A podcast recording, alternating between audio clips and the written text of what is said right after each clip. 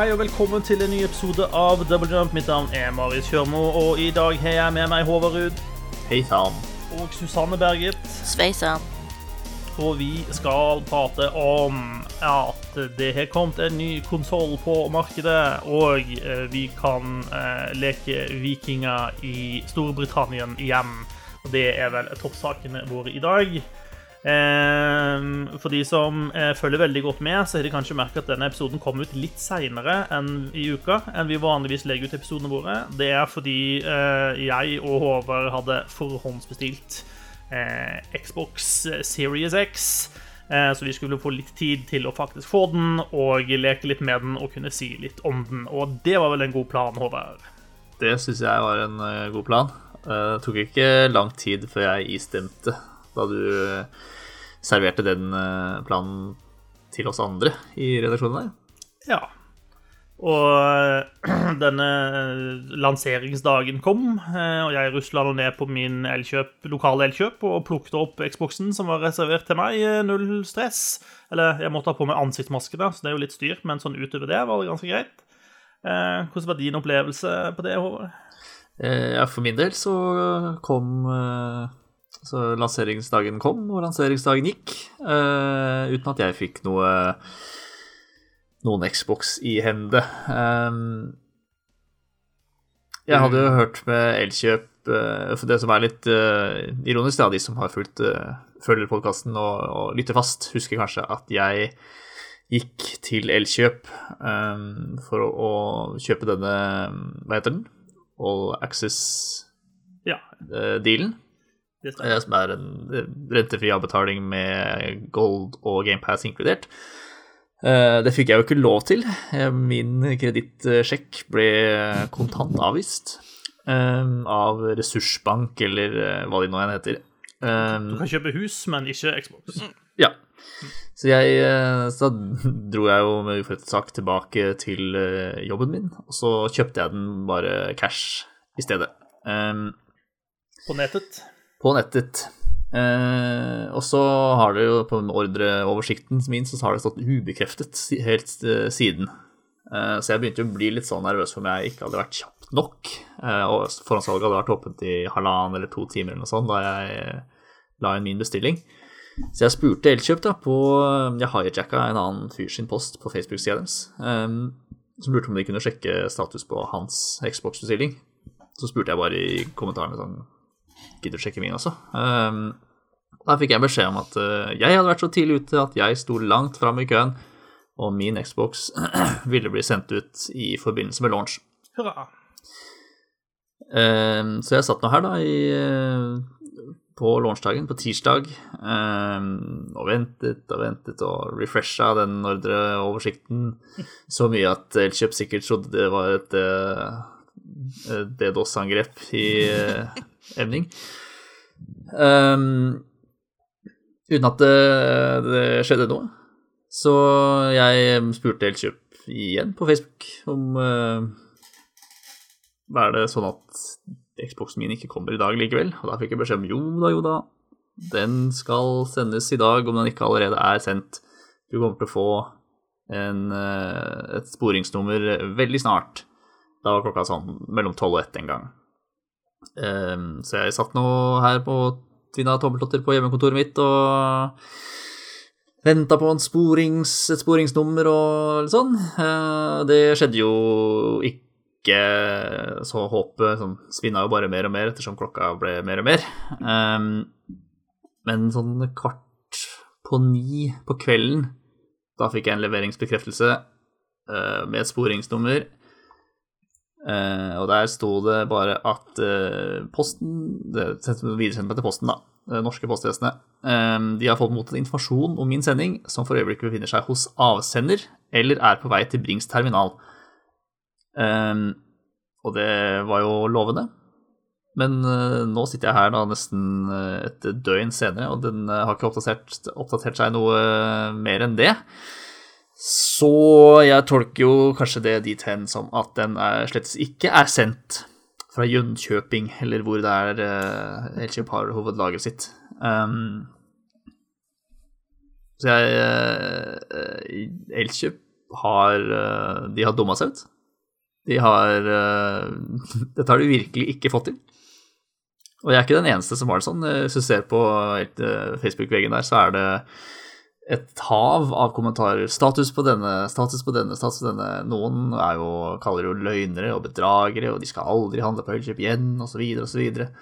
Um, alle kommentarfelt under artikler som handler om, L, om Xbox, og det kommer flere artikler om uh, dette rotet også. Det er, alt, det er, fullt av folk som er misfornøyd. Um, og det er ikke bare Elkjøp, ser jeg også i kommentarfeltene. Det er Komplett, og det er Power også. Um, så, Men er det, er det nettbutikkene som, som, på en måte altså, Er det der problemet har ligget?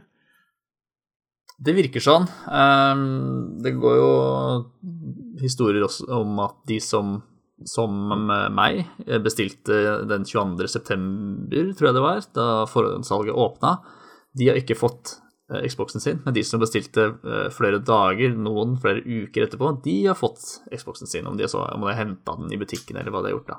Mm. vet jeg ikke. Så um, de har, jo her har blitt kløna til med rekkefølge på, på kø, um, og det ene og det andre. Um, så det blir spennende å se, da. Jeg trodde ikke liksom det skulle ta 24 timer å kjøre fra Jönköping til uh, Brings terminal, som sikkert ligger ligger utkanten av Oslo et sted. Kanskje sjåføren måtte i koronakarantene, vet du. Kanskje det. Kanskje jeg ikke får uh, Xboxen før om to uker. Um, men det er jo selvfølgelig Det er veldig kjedelig. Jeg hadde jo gleda meg veldig til, uh, til denne tirsdagen. Tirsdag er jo altså den kjedeligste dagen, kjipeste dagen i uka. Oi, oi. Uh, så veldig rart å glede seg til en ja, Brannfakkel. Å glede seg til en tirsdag var veldig rart. Eh, men det gjorde jeg, og så nå er jeg liksom bare irritert og frustrert og lei. Eh, så jeg merker liksom det Nå er jeg litt sånn Nei, det hele greia. Hjelper det at jeg legger ut bilder i double jump-chatten vår med, med bilde av Xboxen og med kommentarer om hvor gøy det er og sånt? Eh, jeg er glad på dine vegne. det er jeg jo. og det er ikke sånn at jeg at alt står og faller. At min uh, underholdning uh, står jo ikke og faller på den Xboxen. Jeg har jo en backlog på uh, et Steam-bibliotek med tresifra antall spill. Hvorav altså, de færreste er jo i det hele tatt installert noen gang. så jeg har jo ting å spille. Jeg ender jo opp, alltid opp med å spille de samme spillene uansett, Overwatch og World Warcraft og sånn. men nå er jeg litt sånn Nei, det er ikke så farlig, egentlig. det, er sånn der uh, Five Stages of Denial eller et eller annet sånt noe. Uh, ja, det, ja. det, er noe sånn. Jeg setter sett kjempefram til å spille Assassin's Creed Valhalla, være med på hypen, liksom, og nå blir jeg sånn liggende bak hypen, da, og det er litt sånn, det er litt stusslig. Um, Vel, da kan jeg i hvert fall glede deg om at i den neste timen så skal vi prate om Xbox og hvordan det er å ha en Xbox. Mm, det gleder jeg til å høre. uh, sånn for the record, du har ikke skaffa deg Xbox heller, Susanne? Eh, nei, men jeg har fått spilt uh, Assassin's Creed Valhalla. Ja, for det er jo tilgjengelig eh, på rubbel og bit av ting man kan spille ting på. Mm -hmm. Ja, Stemmer det. Er bra. Så vi skal, vi skal, i hvert fall prate litt om Assassin's Creed også. Men jeg har lyst til å begynne litt med, med selve Xbox-konsollen, da. Eh, jeg har da eh, kjøpt meg en Xbox Series X, eh, så jeg har ikke testa den Series S-utgaven. Det første som slo meg når jeg henta hjem Xbox Series X-konsollen, og liksom fikk pakka den ut av pakken, var at jeg syns ikke egentlig den var så stor. Jeg syns det har vært så mye prat om egentlig begge de nye konsollene, og at de er så digre og sånne ting. Og jeg syns ikke den var så stor, jeg. Altså, den, så den har jo en litt Ja, ikke sant? Den har jo en litt annen form enn en, jeg håper å si, de gamle Xboxene jeg har hatt, men jeg syns den var litt søt og liten, jeg, da. Eh, akkurat nå så står den jo liksom rett ved siden av PC-tårnet mitt, og PC-tårnet mitt er ja, sikkert åtte ganger så stort da, som Xboxen. Så ja. det, det, går, det går fint an å lure den inn i stua et eller annet sted, altså. Det skal du jaggu meg klare å få til. Jeg har rydda plass i TV-benken, faktisk. Det gjorde jeg i, i stad. Sånn symbolsk at jeg Det gjør det nesten bare mer trist. Eller sånn, Har du tent Ja. et par lys og sånt også? Det bare Ja, nå er det liksom bare tomt høl i TV-benken min der det skulle stått en Xbox. Oh, Elkjøpet, please. Ta send Xboxen til Håvard til han, da. uh. Eh, Men det er jo bare tre GameCubes uh, på, oppå hverandre i en eh, frakk, er det ikke det? da? Jo. jo, noe sånt. Uh, og jeg kan jo si litt hvordan det var å starte den opp, da. Eh, og det var eh, en ganske smertefri opplevelse. Eh, det var liksom plugg-in eh, Hva blir det, da? To, to kabler. Én til strøm og én til, til TV-en. Og fyre den opp. Og så eh, laste ned en app til mobiltelefonen.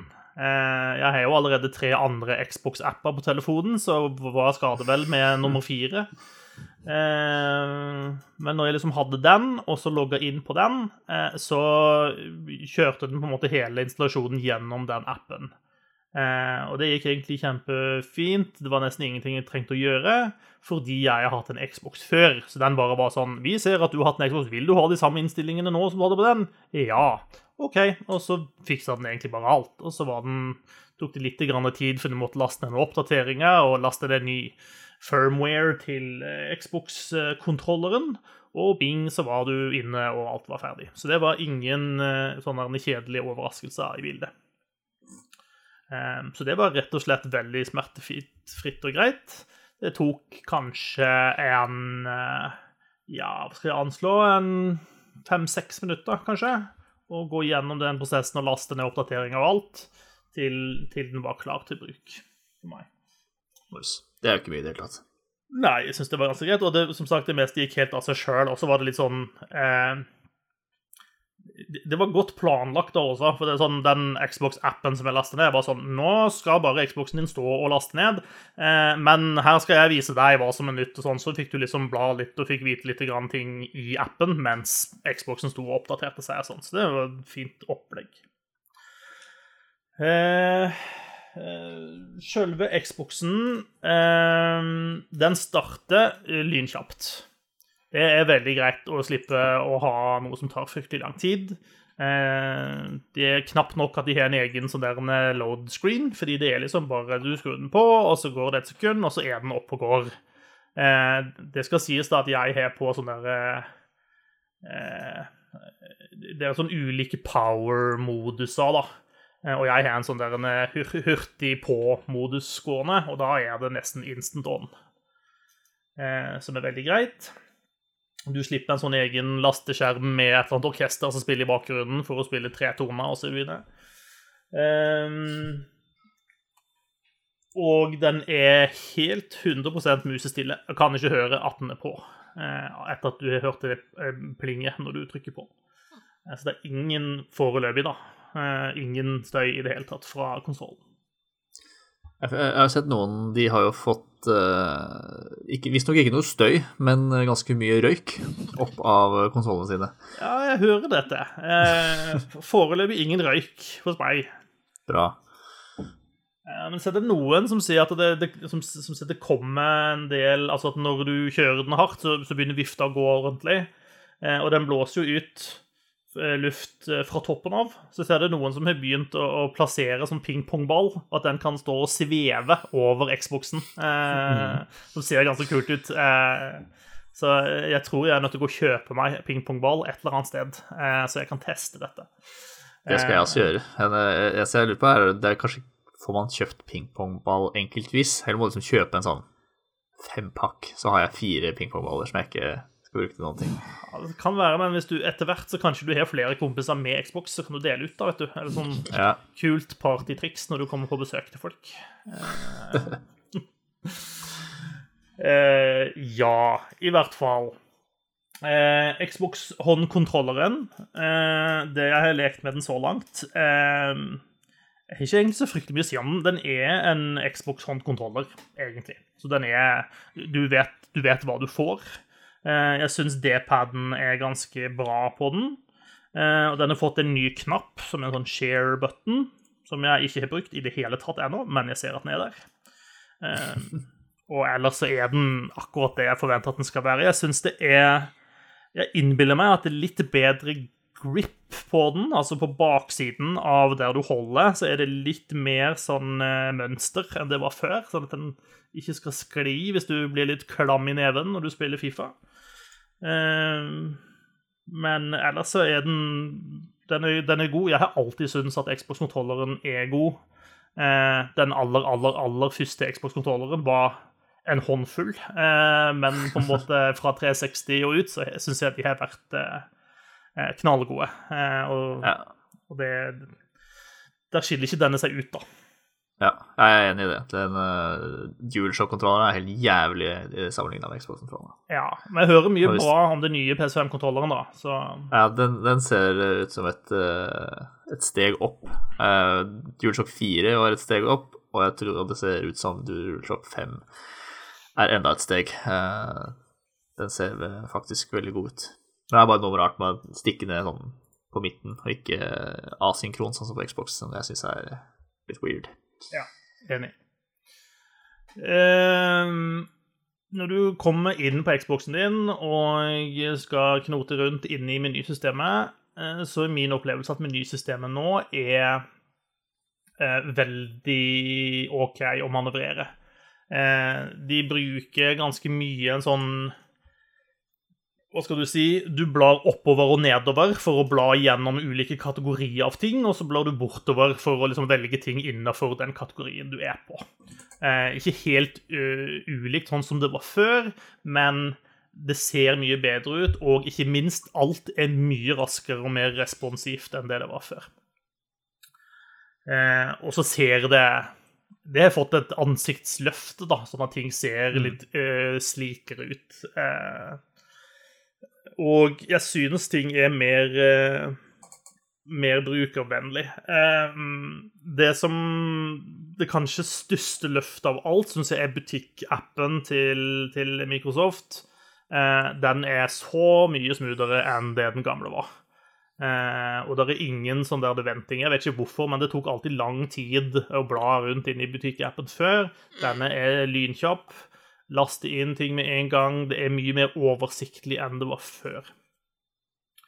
Ehm, Det som også slår meg når jeg blar rundt inne i eh, butikkappen, er si, Det er noen signaler her da, om hva den nye eh, konsollgenerasjonen kommer til å bringe. Eh, først så er det dette med pris på spill. Det varierer jo lite grann, men det varierer kanskje ikke så mye som jeg eh, kanskje mistenkte at det kom til å gjøre, da.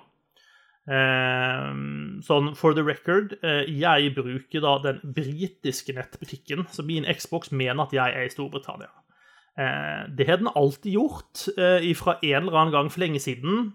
Eh, og når jeg nå prøvde å skifte over til Norge, så fikk jeg litt sånn trøbbel med Jeg fikk blant annet ikke aktivert eh, den eh, all access-biten og sånne ting som jeg skulle ha. Så med en gang jeg switcha til UK, der den mener at jeg hører hjemme, så gikk alt helt veldig fint. Så, så jeg hører til der.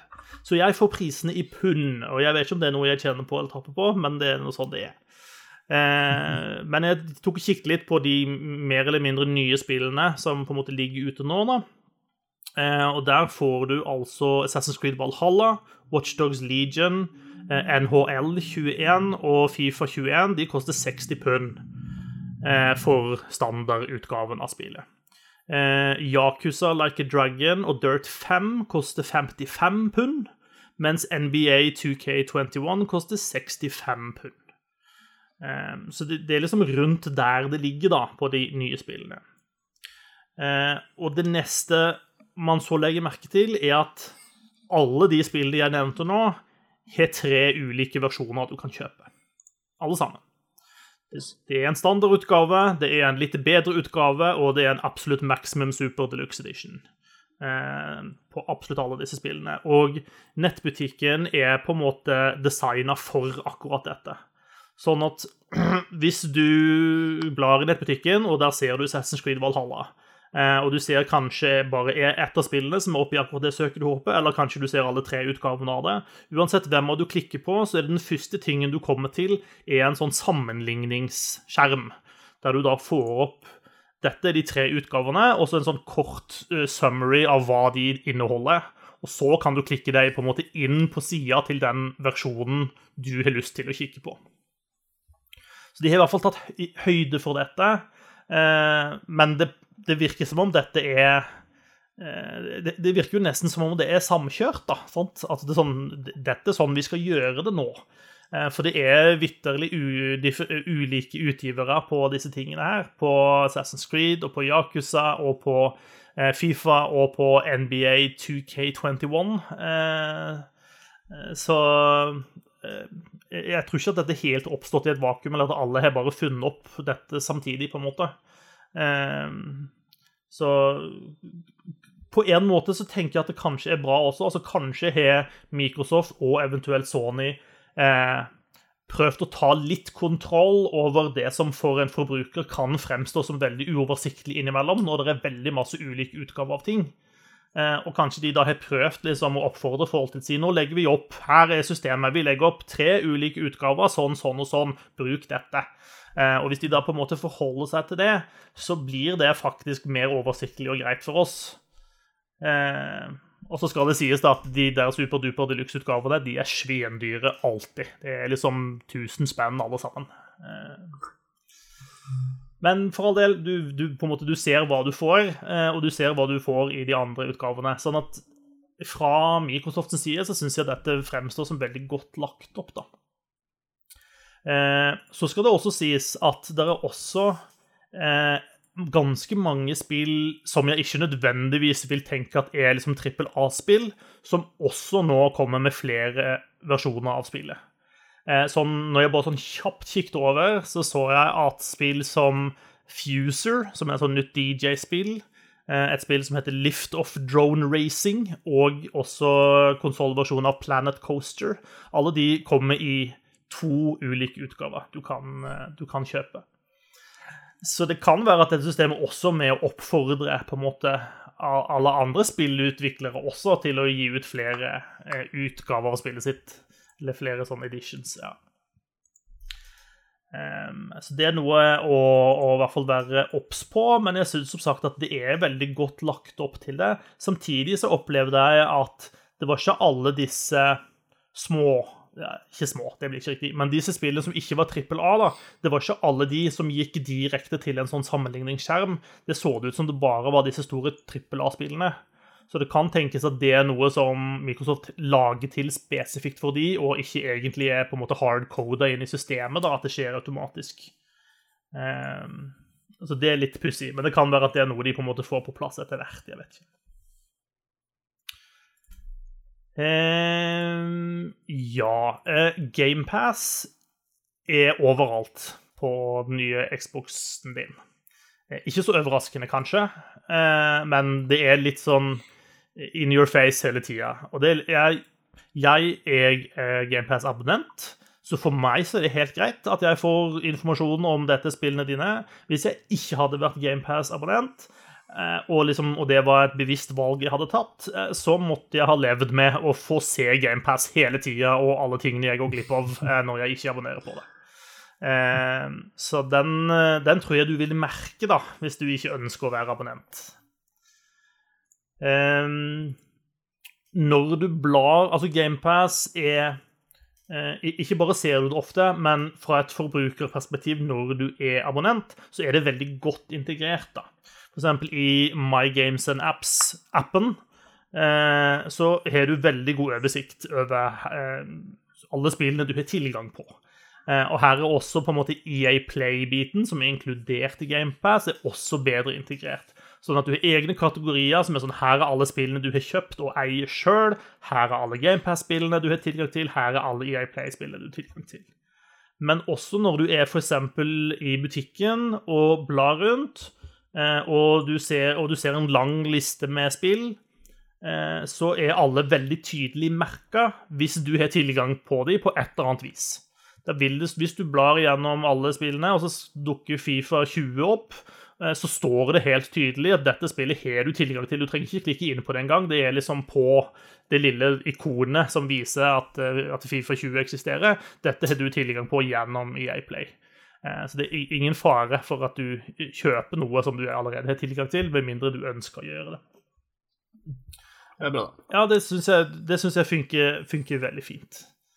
Eh, og, og de har selvfølgelig også en egen, helt en egen GamePass-app, eh, der også alle EA Play-spillene er tilgjengelige. Sånn at når du leter rundt inni der og søker etter kategorier eller eh, spill du har lyst til å spille, så dukker på en måte de spillene også opp der.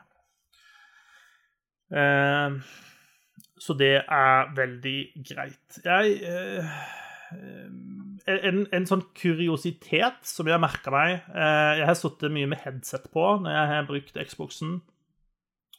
Eh, og det er litt sånn når du eh, Når du manøvrerer inne i, eh, i menysystemet, så får du som regel et lite sånn klikklyd hver gang du hopper fra Du flytter kontrolleren fra et ikon til et annet et. Det er ganske standard. Du får en liten sånn feedback på at nå har du, har du bytta.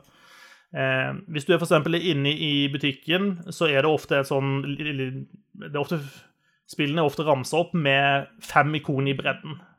Eh, og hver gang du blar et hakk til høyre eller hakk til venstre, så kommer det et klikk. Men lyden på disse klikkene den skifter fra venstre til høyre og høyre til venstre, alt etter hvor på skjermen dette ikonet befinner seg i. Stilig. Så- Så klikklyden på den helt til venstre, den hører du kun i venstre øre, og vice versa på motsatt side, og så er det en sånn gradvis endring på midten. Så det er en veldig liten detalj, men det er litt sånn Ja, noen har sittet og funnet på dette. Eh, det syns jeg var litt festlig, da. Eh, ja, jeg vet ikke, det er stort sett det jeg hadde tenkt å si om det liksom å manøvrere rundt inn i menysystemet. Eh, Jeg har jo testa sånn type quick resume og sånne ting. Eh, Det funker helt eh, nydelig. Eh, Er du inne i et spill, så vil du hoppe ut i menysystemet og sjekke noe i butikken eller et eller annet sånt, eller sjekke noe i et annet spill eller i en annen app eller noe. Og du kan switche frem og tilbake helt uproblematisk. Og du kan Samme når du skrur av kontrollen, skrur den på igjen, du er inne i spillet igjen akkurat der du slapp det med en eneste gang. Eh, ingen lasteskjær, ingen nada. Den bare pauser spillet, fryser spillet akkurat der du er, på en måte. Eh, så det er, sånn, det er litt sånn som vi var fortalt det skulle være, og det fungerer sånn som, sånn som det var tenkt. Heftig. Ja, det, det kan jeg sette veldig pris på. Eh, så dette med lastetid da, er jo noe som det har vært pratet om mest. Det er jo det har jo nesten vært det største salgsargumentet, sånn som jeg har sett markedsføringa for, for både den nye Xboxen og den nye PlayStation, er at liksom eh, lastetider er en thing of the past. Eh, nå kommer du aldri til å ha sånne ting igjen. Eh, det er ikke helt sant, altså. Lastetider er fortsatt a thing. Men ja, de er mye kortere enn de var før, men, men, men de er der. Eh, og ja, det er litt sånn det å starte et spill, hvis du på en måte ikke har det eh, som sånn quick resume, skal starte det fra bunnen av eh, Ja, det går ganske raskt, men, men det tar liksom en fort, det tar fort noen sekunder før du på en måte kommer deg inn til menyen i spillet, eh, mens det, det starter opp. Eh, og i Assassin's Creed, da, som jeg har brukt en del tid på, så er det også lastetider i spillet. Eh, ikke noe du merker når du løper rundt i Assassin's Creed-verdenen, men dersom du velger fast travel, eh, eller dersom du eh, eh, ønsker å, å load, loade en, en annen game, sånne ting, så er det lasteskjerm. Eh, og i god Assassin's Creed-stil så kommer du da til en sånn Animus-skjerm, hvor karakteren din løper rundt eh, på mer eller mindre et blankt lerret, og du kan hoppe og slå og gjøre whatever mens det laster inn det, ikke, det tar ikke veldig lang tid. Du er der et par sekunder, kanskje. Men det er på en måte nok til at det bryter opp på en måte eh, det du holder på med. Eh, og, og til sammenligning, da, når jeg spiller Assassin's Creed Valhalla på PC Ja, jeg spiller på både PC og eh, Xbox. More on that later. Så er det lengre lastetider på PC-en. Også fordi på PC-en så har jeg ikke spillet installert på en SSD. Eh, Så der er, der er på en måte de lastetidene åpenbart lengre. Eh, men de La oss si tre-fire sekunder da, det er med lastetid, er merkbart nok til at jeg ikke syns at den lastetidrevolusjonen er eh, så stor som de har prøvd å få oss til å tro, da. Jeg har sett noen sånne oversikter, og det er fortsatt ganske mye eh, lastetider, egentlig. I hvert fall når man tar sånn Hele den uh, lastetider er en, er en ting som hører fortida til uh, utsagnet. Så ble jeg litt overraska da jeg så den oversikten. Jeg trodde det var Tech som hadde en oversikt og, som var ja, så Lastetiden var kanskje halvert, da, sammenligna med foregående generasjon, men der var det til gjengjeld veldig mye lastetider, da, så det er jo Mm. Eh, Så det så ut som det var ganske mye fremdeles, sjøl om det var en ganske god reduksjon da. Ja da, og det, altså det er jo definitivt fortsatt eh, en stor fremgang. Det er mye bedre enn det det var før, helt definitivt. Eh, men, men bare vær forberedt på at det er fortsatt lastetider. Og så hører det med til historien. Vi har ingen eh, sånne store førstepartsspill fra Microsoft. Eh, det kan selvfølgelig være at når, når de begynner å rulle ut, at de er på en måte mer optimalisert. At etter hvert som utviklerne har fått litt mer tid til å lage spill ordentlig til denne generasjonen, at de er flinkere til å utnytte det som ligger der. Det kan selvfølgelig være, det vet vi jo ikke. Eh, men jeg tenker sånn som Assassin's Creed Valhalla er jo et av de sånn første sånn ordentlig store blockbuster-spillene som skal være designa for de nye konsollene, da. Selv om de selvfølgelig også skal kjøre på alt mulig annet eh, som, som har automatisk lengre lastetid. da. Mm. Eh, når du er inne i spillet, så har du på en måte tilgang til de tingene som du forventer å ha på Xboxen. Du kan gi et kjapt trykk på Xbox-knappen på eh, kontrolleren din eh, og få opp en sånn venstre meny hvor du kan bla i, og der kan du finne achievements og alt mulig sånne ting. Eh, og venneliste og, og, og sånt noe. Eh, du har jo ikke noen Xbox, så jeg har ikke hatt så mange Xbox Series X-venner eh, å kommunisere med, så jeg har ikke lekt så mye med akkurat den biten. Eh, det virker som de har forsøkt å gjøre litt mer ut av disse achievementene sine, da, enn det de hadde tidligere. De har fortsatt beholdt den sånn grunnstrukturen med så og så mange sånn eh, achievement points og, og sånne ting. Eh, men de prøver De legger til noen nye challenges, eh, og de prøver også å gi deg mer informasjon om eh, Nå er du bare så og så langt unna den og den achievementen. Eh, nå er det så og så mange prosent igjen. Dette er de achievementene vi tror du kommer til å få neste gang du spiller. Litt sånt for å prøve å opp, ja, oppmuntre deg til å spille videre, eller noe sånt. Eh, og noen ganger så kan det være nyttig informasjon for all del. Eh, Jeg vet ikke om dette er litt sånn svar på, på det Micro, nei, Sony gjør. Jeg vet jo at den nye PlayStation-konsollen kommer med en del sånne egne menykort som, som går på disse tingene, og hvor, hvor de legger til noen nye eh, utfordringer i tillegg til de vanlige eh, achievementene men det funker greit. Det funker sånn som du forventer at det skal gjøre. Eh, og det er egentlig det som er sånn, den sånn overordna opplevelsen av Xboxen, er at alt funker som det skal. Dette er veldig gjenkjennelig. Dette er en Xbox sånn som jeg er vant med at den skal være. Eh, og det var, litt, det var litt sånn når jeg hadde fått den installert, fått alt opp og gått, brukt ti minutter på liksom å kikke litt rundt på de forskjellige menyene, så var det litt sånn Ja, ja dette var jo sånn det pleier å være å ha en Xbox. Det var litt sånn Det var litt sånn som å komme hjem. Det var veldig gjenkjennelig og veldig greit, og alt var raskt og fint og funka som det skulle, og, og det var det, på en måte. Så jeg vil ikke si at det var antiklimatisk, men det var samtidig litt veldig gjenkjennelig og veldig det jeg trodde jeg skulle få, da. Ja. Så bra. Litt nytt og litt kjent. Ja, vil, vil si det. Og så er det sikkert mange flere eh, observasjoner jeg kommer til å gjøre etter hvert, og etter hvert som jeg får flere spill å dille med og mer tid med konsollen. Eh, men det var en sånn Det var et, f- et førsteinntrykk, i hvert fall. Så oppdager vi sikkert ting å klage på etter hvert, som vi pleier å gjøre. Altså, Jeg har kun ting å klage på for den kommer jo sikkert til å ta fyr, liksom. Så fort du fyrer den opp igjen etter du har spilt inn denne episoden.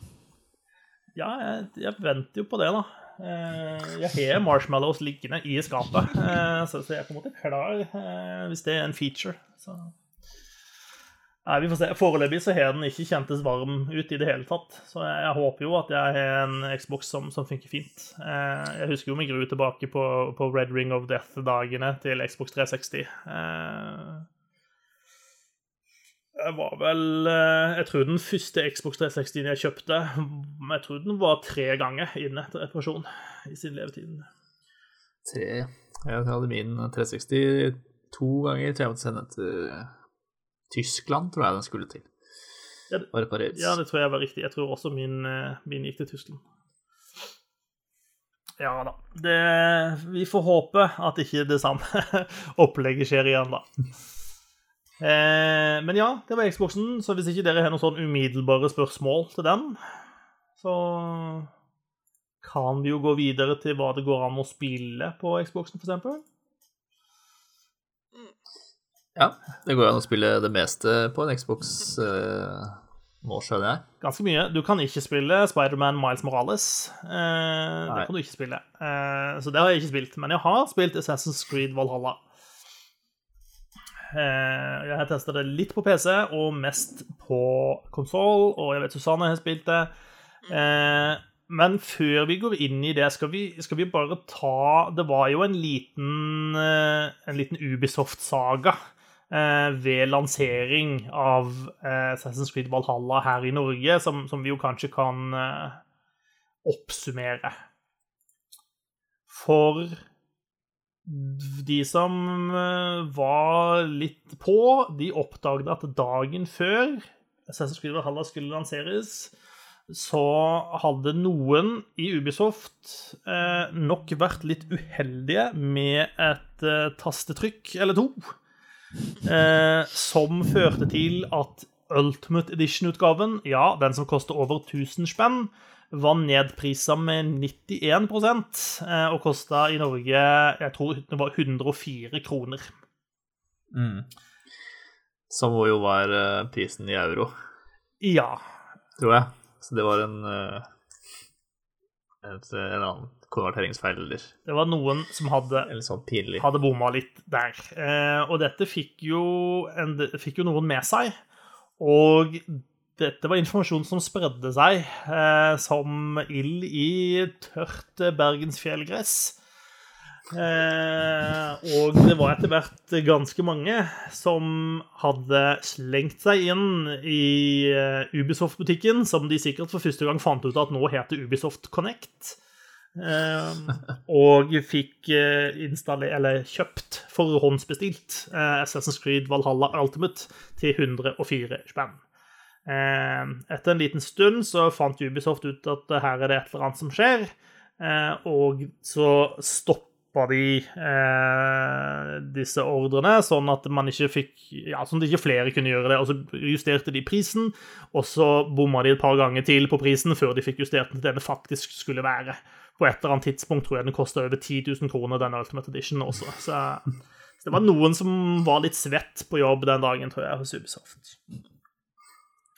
Eh, Men i hvert fall, eh, de som rakk å kjøpe Ultimate Edition til 104 kroner og fikk gjennom ordren sin, eh, de får beholde utgaven sin, har Ubisoft sagt i en kommentar. Og det kan, kan jeg bekrefte. Jeg var kjapp på pletten og kjøpte Ultimate Edition. Og den funker supert på PC. Og det ser ikke ut som Ubisoft har tenkt å ta den bort fra meg. Eh, Så noen av oss var heldige der. Eh, Og da kan jeg også, før vi går inn på selve spillet, ta en annen liten gøyal kuriosa. For eh, jeg har jo da oppdaget at hvis du har eh, Assassin's Creed på konsoll og på PC. Det er ingen måte å eie det og liksom sameie disse, disse versjonene på. Du må kjøpe de separat. Men hvis du har gjort det, så er det altså en cross-save-funksjon. Som jo er litt kult.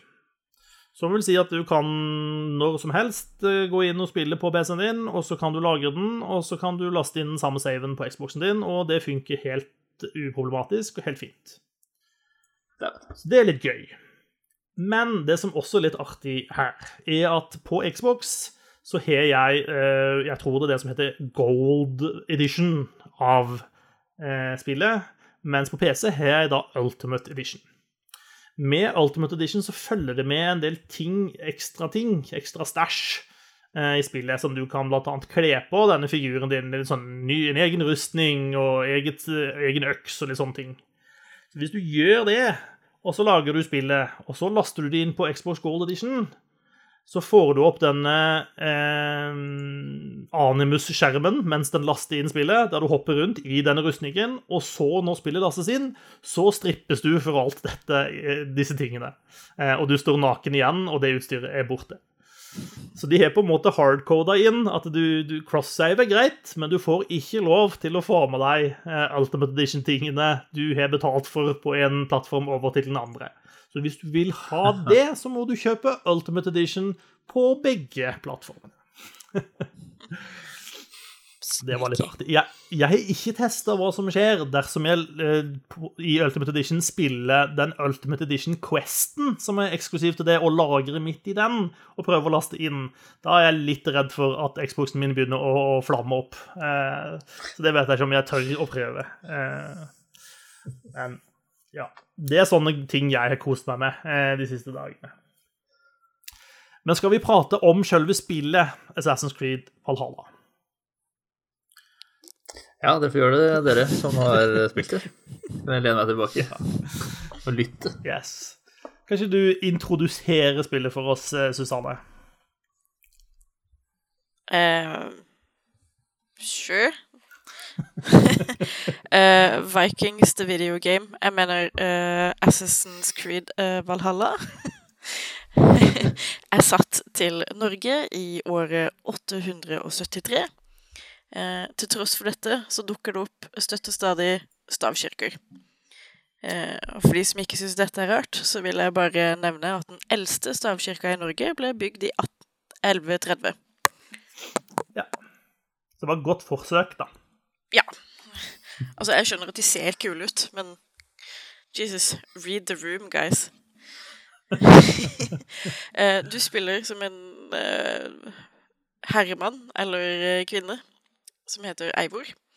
Uh, som helt i begynnelsen av spillet er på jakt etter en uh, person hvis navn ingen uttaler likt. Eh, fordi han eh, drepte faren liksom. ja, det, det, er vel Det er begynnelsen av spillet, i hvert fall. Ja.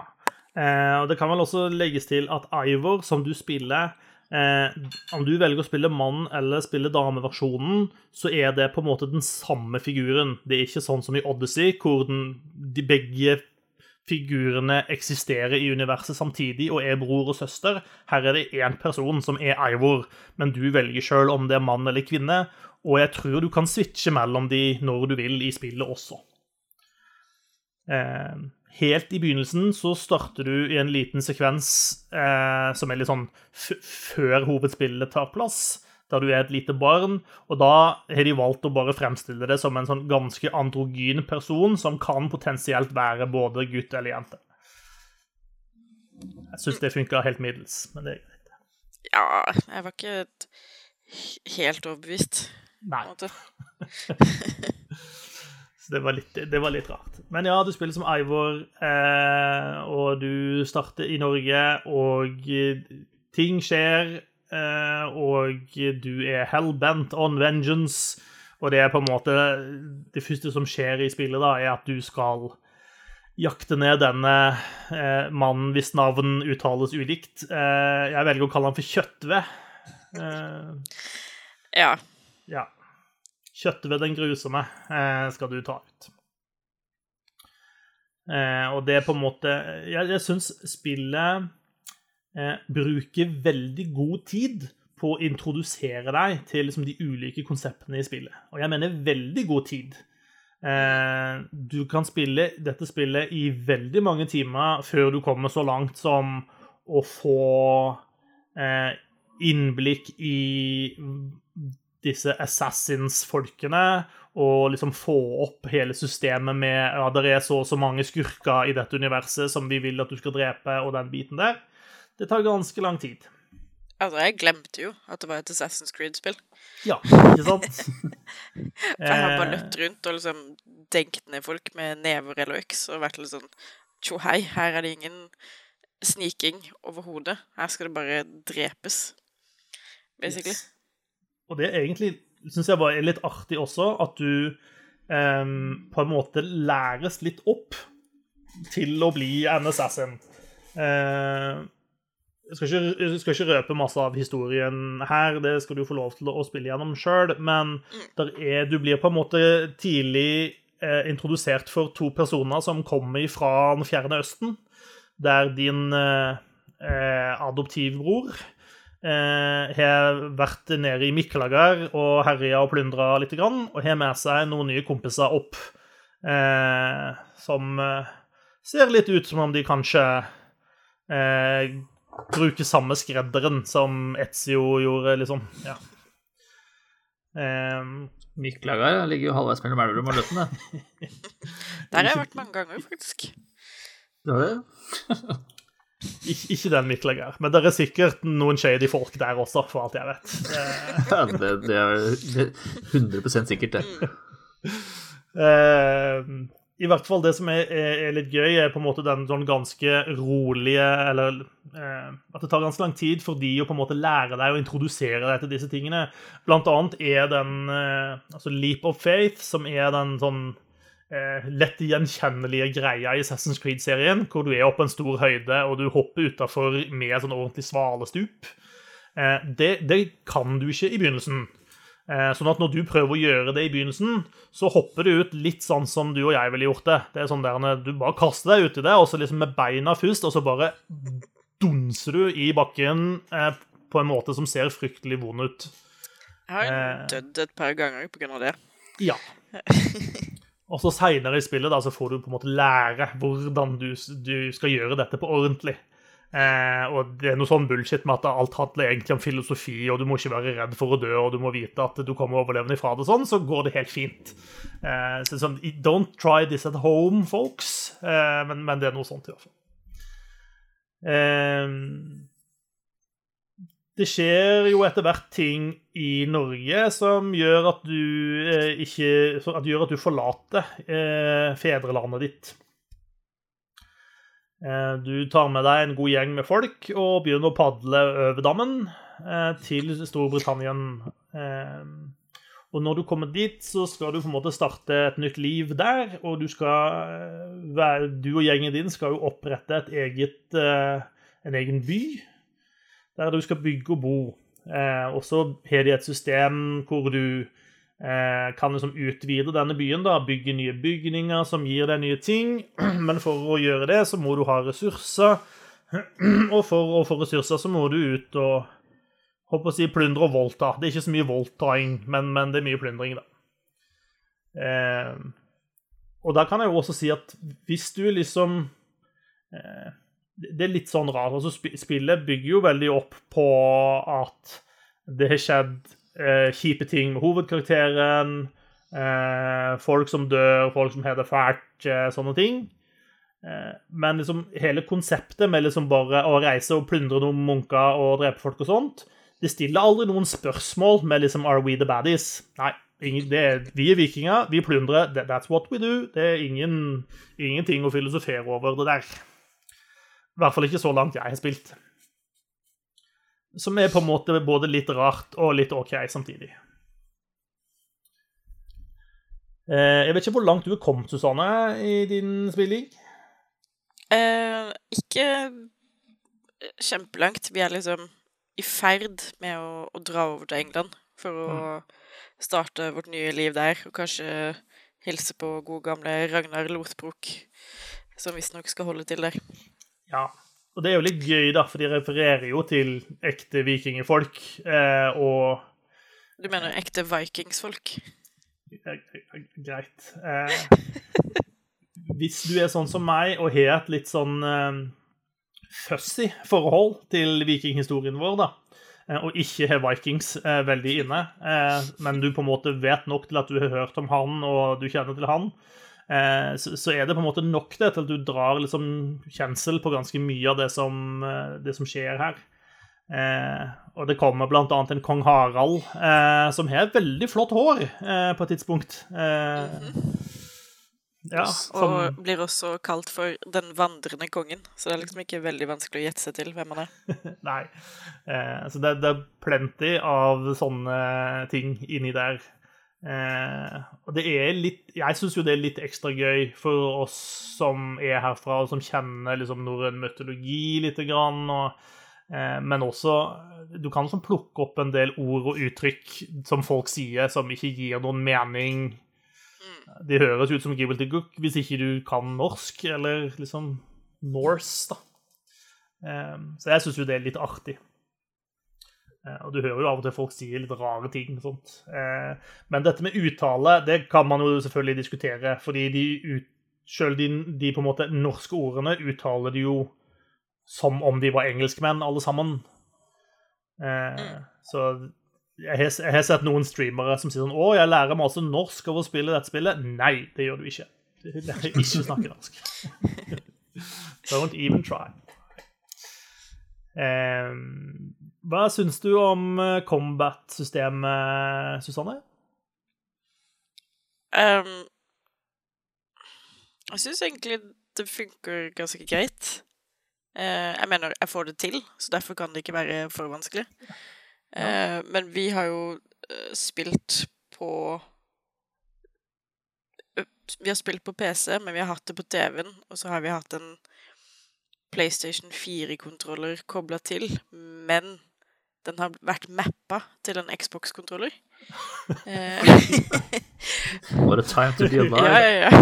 Så, så hver gang det har liksom dukka opp en, en prompt på I spillet, så har det jo vært sånn Trykk på A, trykk på B, trykk på Y. Og jeg er litt sånn Ja, men er, er det firkant, eller er det trekant? Ja, for det er jo noen sånne type quicktime events i spillet. Eh, Mm. Og det kan bli litt stressende. Ja, det kan jeg se. Men eh, nå har vi fått en uh, mappinga til å matche kontrolleren, så nå er det mye lettere. Eh, Jeg må bare bli litt flinkere til å ikke mashe for mye på knappene, fordi det blir litt sånn input delay som jeg ikke er vant til. Jeg er litt sånn Nei, du skal slå når, når jeg trykker, ikke liksom lage en liten slagplan for hva du skal gjøre når, på en måte. Mm. Eh, men jeg, altså, jeg syns det er veldig gøy. Det, det føles veldig tilfredsstillende å drive og denge løs på disse slemme vikingene med liksom øksa og hogge de i trynet og sparke de i skrittet og liksom trampe i hjel skallen deres og sånn. Eh, det er kjempegøy. Men jeg tror det gøyeste er jo at du kan plukke opp liket av folk, og så kaste det på vennene dine. Som en sånn slags distruksjon. Det er jo det, Det slår meg som en veldig Susanne-ting å gjøre, altså. Jeg vet ikke hvorfor, men eh, Eh, Så vi, vi har jo så klart lagt alle skill pointsene våre i, i hongemeng og nevekamp. det er det er liksom- komplett motsatt av meg. Ja. Så ikke noe på ranged eller stealth eller noen ting. Her er det bare eh, melee damage uh, hele veien. Og liksom berserker rage og uh, øksekasting og liksom forskjellig. Så jeg har det dritgøy. Ja, så bra. Ja, for det er jo et uh, skill-system, og du får jo Relativt ofte går du opp i level, eh, og hver gang du går opp i level, så får du to nye skill points. Og det er et ganske digert skill-tre som er for det meste skjult for deg når du starter. Eh, så er det sånn Når du starter, så er det tre sånne skill-greiene, hvis du vil kalle det det. Eh, med en Jeg vet ikke hvor mange skills der er inne på én grein. Ja. Seks-åtte stykker, kanskje? Åtte? Noe sånt. er noe sånt ja. Eh, og liksom Og en av de er på en måte en sånn ny hovedting du kan gjøre. Eh, type låse opp et nytt angrep, f.eks. Mens de andre er mindre ting, som sånn du får Du gjør to mer i melee damage, eller eh, alle, alt utstyret ditt av den typen blir litt bedre, eller sånne ting. Eh, og så når du på en måte kommer til endes av et sånt tre, så får du da se et tilstøt eller av en sånn grein, så vil du da se Blir det da låst opp den eh, tilstøtende greina, og du kan se hva det er du kan få der. Eh, sånn at det er en litt sånn eh, Med mindre du på en måte går på internett og, og sjekker ting og planlegger ting der, så er det litt sånn i blinde hvordan du egentlig utvikler karakteren din. da. Annet enn som, som Susanne indikerte, at eh, liksom en retning er murder melee mayhem. Eh, og så er det en som er mer stealth assassination, og så er det en som er mer range-based. Um, jeg har jo da gått helt i motsatt ende og gått mest mulig stealth, med litt range i tillegg. Fordi jeg, skal, jeg har lyst til å være sneaky assassin, fordi det er det jeg har lyst til når jeg skal spille Assassin's Creed Games. Men det ender jo veldig ofte opp med at du må murder Mailey Mayhem likevel, da. Eh, det som jeg syns var litt gøy, også var Du har, kanskje ikke så overraskende, to armer eh, som Ivor. Eh, og du står helt fritt til hva du ønsker å putte i de to armene. Eh, så du kan putte to skjold for eksempel, i armene dine hvis du vil det. Ikke nødvendigvis den mest effektive slåssmåten, men du kan gjøre det hvis du vil. Eh, og jeg opplever at um, de ulike våpnene og sånn føles veldig ulike. Jeg driver og går rundt med en sånn Hva i alle dager er det det heter på norsk? da? En sånn morgenstjerne eller noe sånt noe. Altså basically en pinne med en kjetting på, og på enden av kjettingen er det noe hardt og stikkete som du denger folk med. Ja. Så brura. yeah, baby. Eh, og det å slåss med den kontra å slåss med en øks, for eksempel, var to totalt ulike opplevelser i combat. Eh, og det syns jeg var kjempekult. Så den greia jeg driver og slåss med, er åpenbart den gjør mer skade. Den er mye treigere på en måte å få i gang. Men når du først har fått den i gang, så kan du gjøre flere kjappe angrep samtidig med den, f.eks. Eh, så ja, jeg liker det veldig godt. Og det å bruke sånn lange spyd og sånn også føles ganske rudimentært annerledes. Og så har du i tillegg en del sånn ganske kule sånn badass finishing moves som du kan gjøre, eh, som veldig ofte eh, involverer å myrde fienden din med fiendens eget våpen eh, på brutal, mest mulig brutal vis. Og noen ganger så bare finner den ut at nå skal du gjøre the finishing moves. Og se der, ja, der lå det to hammere på bakken, gitt. Jeg bare tar opp de og smeller begge to inn i huet på fienden. Og så kaster jeg bare hammeren igjen etterpå, eh, som enhver badass person gjør. Litt sånn som Reaper i Overwatch når han bare pælmer haglene sine eh, istedenfor å reloade de. Eh, sånn Neo i Matrix uh, yeah. did before it was cool. altså det, det jeg syns er kult, er jo at du kan slå piler ut av lufta med økser. Det syns jeg er veldig gøy. At når fienden skyter med pilebue på det, så er du bare sånn Doink! Tror ikke det. Prøv igjen en annen dag, liksom. Og så kaster du så klart en øks rett i skallen på dem. Eh, for at de er så frekke at de skyter på det. Ja, for, for så, sånn, I utgangspunktet så har du liksom et lett angrep og et tungt angrep. Det er liksom det helt rudimentære. Eh, som er, vil variere fra ulike våpen du har osv. Eh, men så bygger de opp med et sånn Hva er det det heter for noe, da? Det er et sånn eget meter som basically er noe sånn jeg vet ikke om det er noe sånn sinne eller et eller annet sånn adrenalin, tror jeg det er de bruker. Ja, adrenalinmeter. Eh, og når du som har fulgt opp det, så er det en rekke nye abilities du kan bruke, og det er ofte mer eh, brutale angrep. Eh, og der ser det ut som du over tid vil kunne låse opp ganske mange ulike abilities, og spillet legger opp til at du kan til enhver tid ha åtte sånne abilities eh, inne, da. Fire ranged abilities og fire melee abilities. Sånn at du får et ganske stort spekter å spille på, men samtidig så opplever i hvert fall jeg kampmekanikken som eh, veldig grunnleggende enkel å forstå og komme inn i. Eh, det er noen Assassin's Creed-spill tidligere som har av og til vært litt innflukte, fordi det er så mye kombinasjoner av knapper å trykke på og, og sånt. Jeg er ganske sensitiv for de tingene og kan fort falle ut. Eh, og ende opp med å bare bruke de tre vanlige angrepene jeg alltid gjør. Eh, men her syns jeg at det har kommet mye bedre inn i systemet, og det er mye enklere å forholde seg til, og samtidig er artig, rett og slett. Eh, så det syns jeg funker bra. Eh, og så er det bossfights. De, der er på en måte noen egne sånne megabosser eh, du har slåss mot innimellom. Der eh, Kjøttve, eh, den grusomme, er, den første av de du møter på. Eh, og Der blir liksom ting litt annerledes. Der ender du opp at han får en sånn health bar som strekker seg over hele skjermen, og eh, dette ser skikkelig skummelt og sånt ut. Men så lenge du på en måte lærer deg å dodge og å blokke og vite når du skal gjøre når, hvem av de to, eh, så går dette helt fint. Ja. Eh, spillet har et utstyrssystem som er ganske endra fra Odyssey. Um, I Assassin's Creed Odyssey så kasta de nytt utstyr etter deg hele forbanna tida. Uh, det var litt som Diablo-psyken, hvor du rakk knapt å ta på deg nye ringbrynjer før du hadde tre nye skinnende ringbrynjer å velge mellom. Uh, sånn gjør de det ikke her. Her har du et mye mindre utvalg av eh, utstyr. Du kan kle på deg på liksom Du har sånn typisk Du har brystet, du har huet, du har bracers, du har feet og sånt, men du får relativt få av hver, men du kan oppgradere de. Så du går og samler sammen jern og skinn, som gjør at du kan oppgradere de, og kan, det er i tillegg et runesystem som gjør at du kan, eh, kan sette inn rune i de.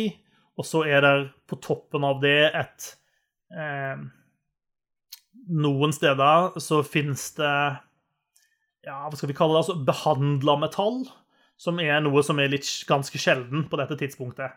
Men hvis du liksom finner det, da, en sånn type inget av, av, noe metall, så kan du ta det med tilbake til en smed, og så kan han eh, gjøre en betydelig oppgradering på det, på en måte. Eh, jeg har litt inntrykk av at når du bare gjør din egen oppgradering med jern og skinn, så mer eller mindre bare sørger du for at utstyret ditt følger levelet ditt. Mens eh, smeden kan altså da gjøre betydelige oppgraderinger. Og når han har gjort det, så låser han også opp flere sånne eh, runeslotter som du kan putte inn rune i. Så eh, selv om det er på en måte mindre utstyr å bytte ut og velge mellom, så er det fortsatt hele veien mulighet for å oppgradere utstyret ditt. Jeg syns at dette er en bedre måte å gjøre det på.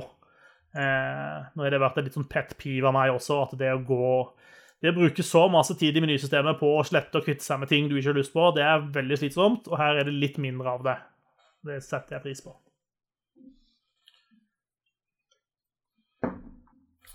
Eh, hva mer må vi nevne? Eh, Sidequestene.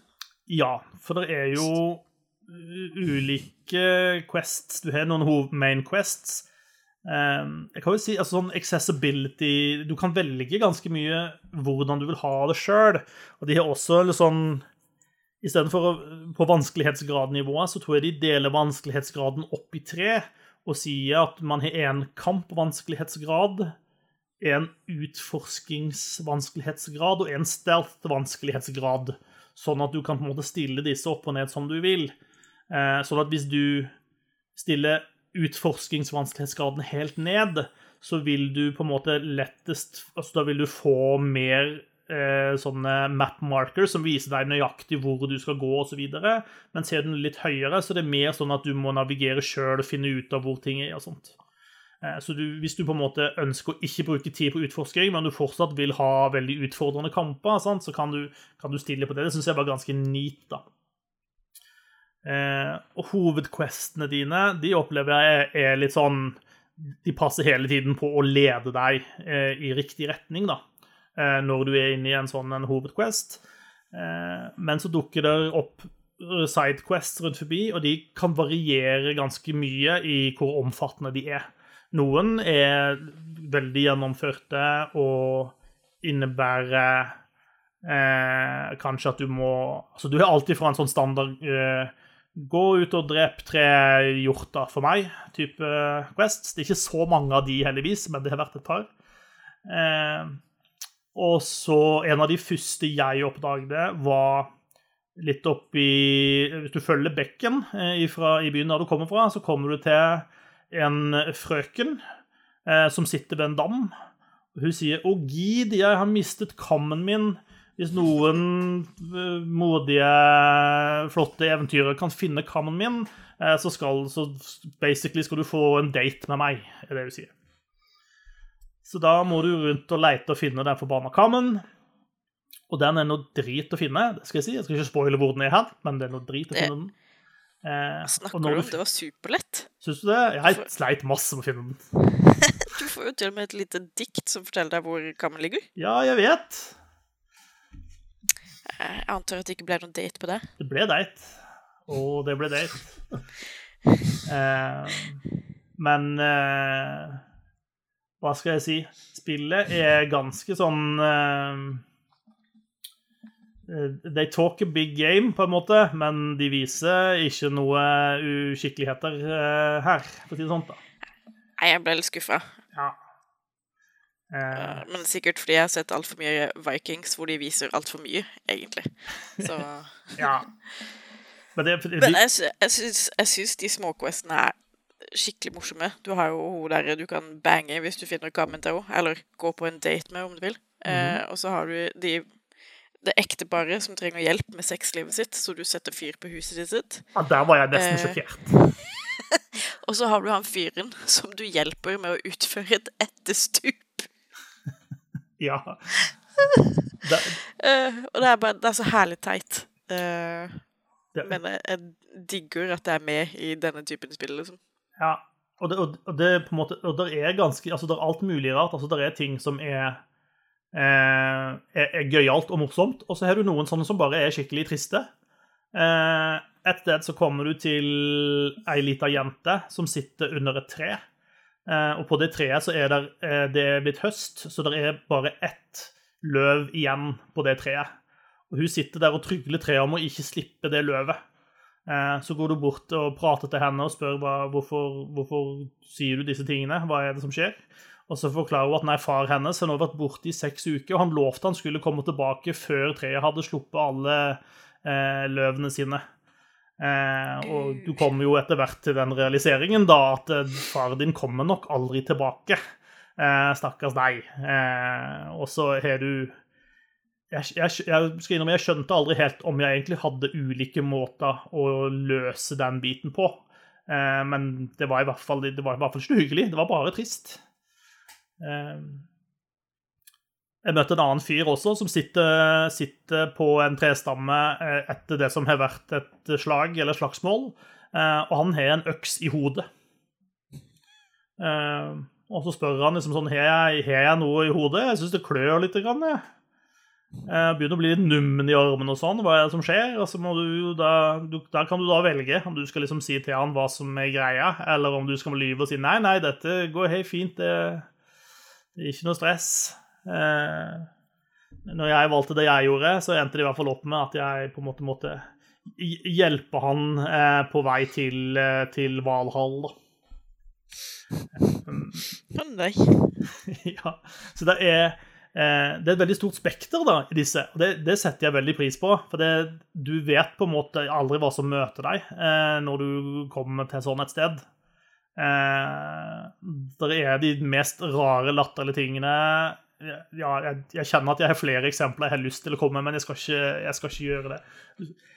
Du skal få oppleve de sjøl, men eh, der er, vel, der er ganske mye gøy å ta av, da. Og samtidig så føles det ikke som om der er eh, Ja, hva skal jeg si? Det føles som, litt som om de har prioritert eh, kvalitet eh, over kvantitet, da.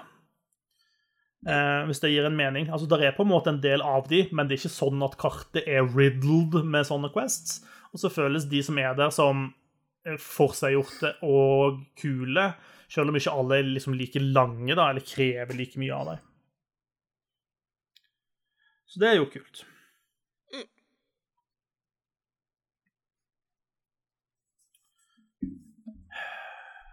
Yes. Hva, hva, hva mer er det vi må si? Jeg syns, jeg syns det ser veldig flott ut. Kjempepent. Ja. Eh, og musikken er dritfin. Yes. Og når den liksom setter i gang på ordentlig, så er det bare sånn Fy fader, så digg det er å bare traske rundt oppi fjellet her og se på nordlyset og høre på den musikken. ja. Og jeg kan jo også si at ehm, eh, England eh, fremstilles som utrolig mye penere enn det jeg har opplevd at England er i virkeligheten. Bare så det er sagt.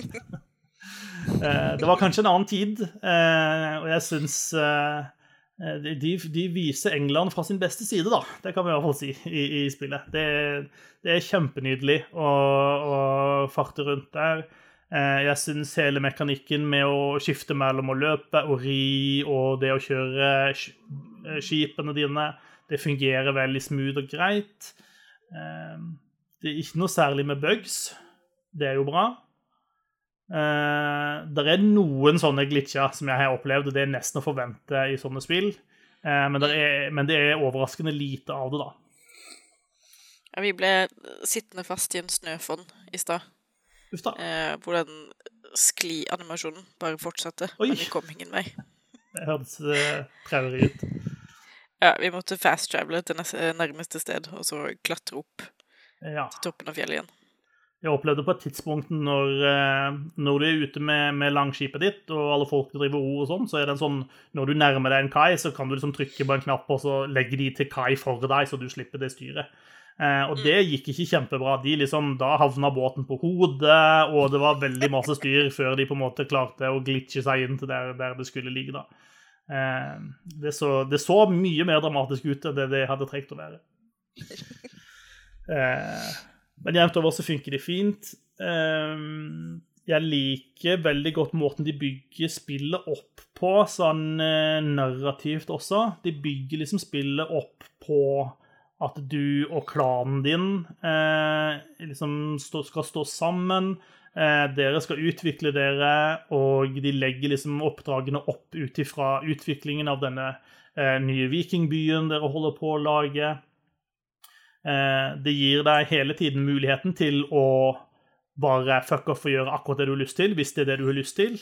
Men det er også hele tiden interessante ting som spillet liksom drar deg inn i av Som er knyttet opp mot hovedhistorien. Eh, Jeg har hatt én seanse til liksom nåtiden, eh, der det er en person som går ut av Animus og bare Nå er det 2020, whatever det er for noe. Eh, og jeg merker jo at jeg bryr meg egentlig ganske døyten eh, om den biten av Assassin's Creed-spillene, for å være helt ærlig. Det, det er helt greit at de har et rammeverk med en overordna historie, sånn, men jeg vil jo bare rundt og være viking og ha det gøy i England. Eh, Mm. Uh, og så får, jeg jeg har også merka meg at det er en, eh, en del mennesker her lokalt som har funnet det veldig artig at eh, området Rogaland er liksom level 1, mens området Hordaland er level 280, eller noe sånt. Eh, Ja, det er jo helt Helt på trynet, syns jeg. Men det er jo ikke en av de merkeligste tingene med spillet. Det, det som jeg syns er veldig merkelig, er at du kan støte på liksom flokker med isbjørn i Rogaland. oi! Det har ikke, ikke jeg gjort. Det har jeg gjort! Det høres skummelt ut. Uh, ja, jeg trodde det første bare var én, for det er jo mye snø der, så jeg skøyt jo selvfølgelig på den med bua mi. Uh, og da ble den sint, og så plutselig ble jeg slått til helvete av fjellet eh, av en annen isbjørn som jeg ikke hadde sett. Ja. Eh, og så prøvde jeg meg på nytt, og da dukka det opp en, en gjeng på fire veldig sinte isbjørner. Eh, så det var my mye skriking og hoiing i, i husstanden, for å si det sånn. Ja, nei, jeg har jo tilbrakt en del år av livet mitt i Rogaland. Eh, sjelden jeg har møtt eh, isbjørner der. Så Men, men, men Og så Og så er det jo litt merkelig at det gror uh, molter overalt. Uansett hvor du er, så er det molter der. Ja. Det er på en måte hovedernæringskilden, virker det som, egentlig multebær. Det, Mm. er det, det vi lever av. Uh. Det og isbjørnkjøtt, tydeligvis. Isbjørnmolte. En delikatesse, skal jeg si det. Eh, Isbjørn i multesaus. Mm, mm. Eh, Det var ikke så mye miljøgifter ute og gikk på det tidspunktet, så Ja, så sånn er det. Eh, jeg tror eh, Vi har vært igjennom en del ting. Jeg vet at vi begge kommer til å spille dette mye mer. Gjøran spiller også dette, og jeg er ganske sikker på at Håvard kommer til å spille dette. Så vi kommer Altså, tilbake kommer- til mer Assassin's Creed Valhalla etter hvert. Jeg kommer nok aldri til å plukke opp spillet igjen, fordi nå er jo Beyond Light ute, så nå blir det Destiny de neste tre månedene. Du om det, tenker jeg da. Eh, ja, jeg skal, jeg skal fòre deg med nok eh, sykt pene screenshots fra eh, landet av de nydelige enger. Eh, så får du sikkert lyst til å plundre litt, du også, skal du se. Blir sikkert fora tilbake da med screenshot av den nydelige månen, eller hvor man er i Destiny 2 nå. Så får du lyst til å dra til Det, verdensrommet. jeg har alltid lyst til å dra til verdensrommet, men det har ingenting med Destiny å gjøre, det kan jeg love. Yes. Jeg tror vi går inn for landing for eh, denne sendinga. Det har vært eh, utrolig hyggelig at du ville høre på oss eh, mase. Um, jeg heter Marius, eh, og jeg, Håvard og Susanne, takker deg eh, så ærbødigst for at du har hørt på oss. eh, Og vi ønsker deg en god uke og på gjenhør om en ukes tid. Eh, Og inntil da, pass deg for isbjørn, og hei så lenge. Ha det bra. God tur, kveld.